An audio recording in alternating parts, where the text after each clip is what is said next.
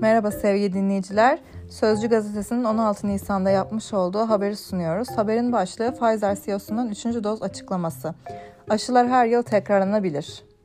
Koronavirüs dünya genelinde hızla can almaya devam ederken salgını bitirmek için en büyük umut aşılama kampanyalarında.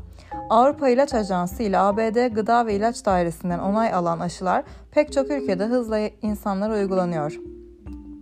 Ancak aşılarda ortaya çıkan yan etkiler ve mutasyonlar sonrası etkinlik oranlarının ne olacağı endişesi de giderek artıyor.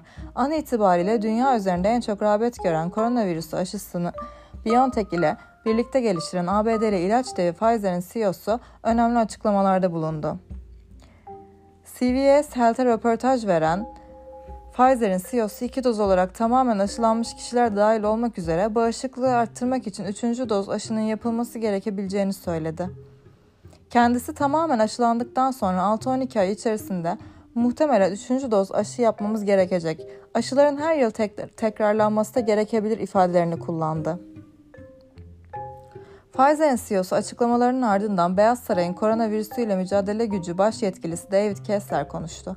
Financial Times'ın haberine göre kendisi bağışıklığı arttırmak için ekstra doz aşı ihtimalini değerlendirmeliyiz. Ancak an itibariyle aşıya en çok ihtiyaç duyanların ulaşmasını sağlamalıyız. Yeterli doz sayısına ulaştığımızda 6-9-12 ay içerisinde 3. doz aşı yapılması için hazırlanmalıyız dedi. ABD'li Pfizer ile Alman BioNTech'in geliştirdiği koronavirüs aşısının etkinlik oranları ile ilgili güncellenmiş sonuçlar bu ay başında açıklanmıştı. İkinci doz aşıları tamamladıktan 6 ay sonra kişilerden elde edilen sonuçlara göre Pfizer-BioNTech aşısının virüse karşı koruyuculuk oranı %91.3 olarak duyuruldu.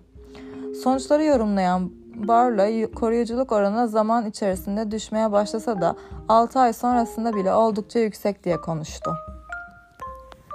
Dinlediğiniz için teşekkür ederiz. Bizleri Spotify ve Instagram hesaplarında takip etmeyi unutmayın lütfen.